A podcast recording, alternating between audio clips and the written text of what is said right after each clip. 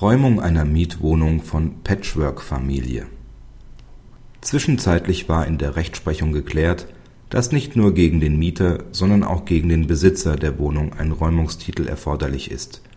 Weitere Einzelheiten werden nunmehr klargestellt.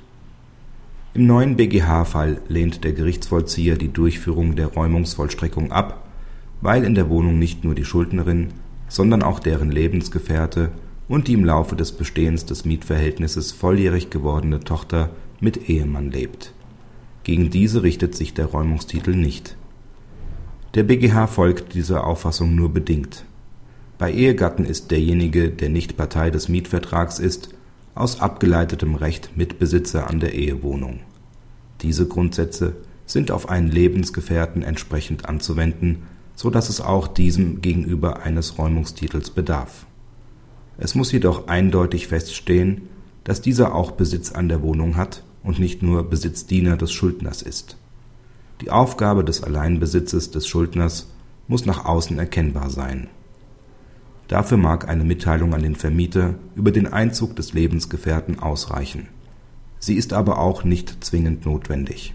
Abzustellen ist insoweit auf die gesamten Umstände. Dies muss der Gerichtsvollzieher als Vollstreckungsorgan im Einzelfall prüfen.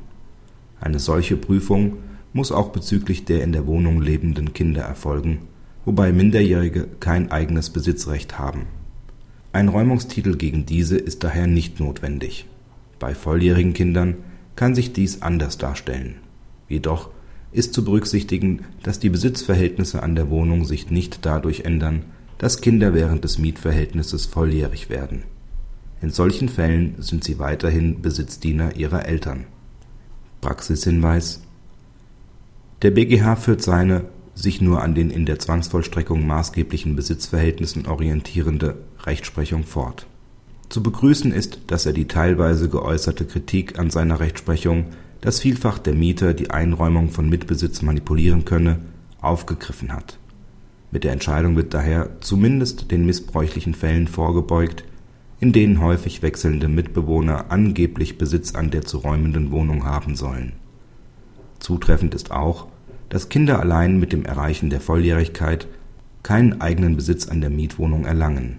Ein Vollstreckungstitel gegen im Laufe des Mietverhältnisses volljährig gewordene Kinder wird daher nur dann erforderlich sein, wenn diese beispielsweise zunächst aus der Wohnung ausgezogen sind oder der Mietvertrag nach Eintritt der Volljährigkeit wesentliche Änderungen, die sich tatsächlich auch auf die Kinder auswirken, erfahren hat.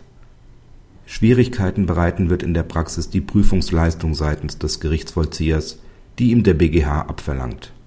Letztlich dürfte aber der Vollstreckungsschuldner darlegungs- und beweispflichtig dafür sein, dass außer ihm noch andere Personen ein die Vollstreckung hinderndes Besitzrecht an der Wohnung haben. Ergibt sich dies nicht sofort aus dessen Einwendungen, wird der Gerichtsvollzieher die Vollstreckung durchführen können und müssen. Der Schuldner bleibt dann auf die vorgesehenen Rechtsmittel verwiesen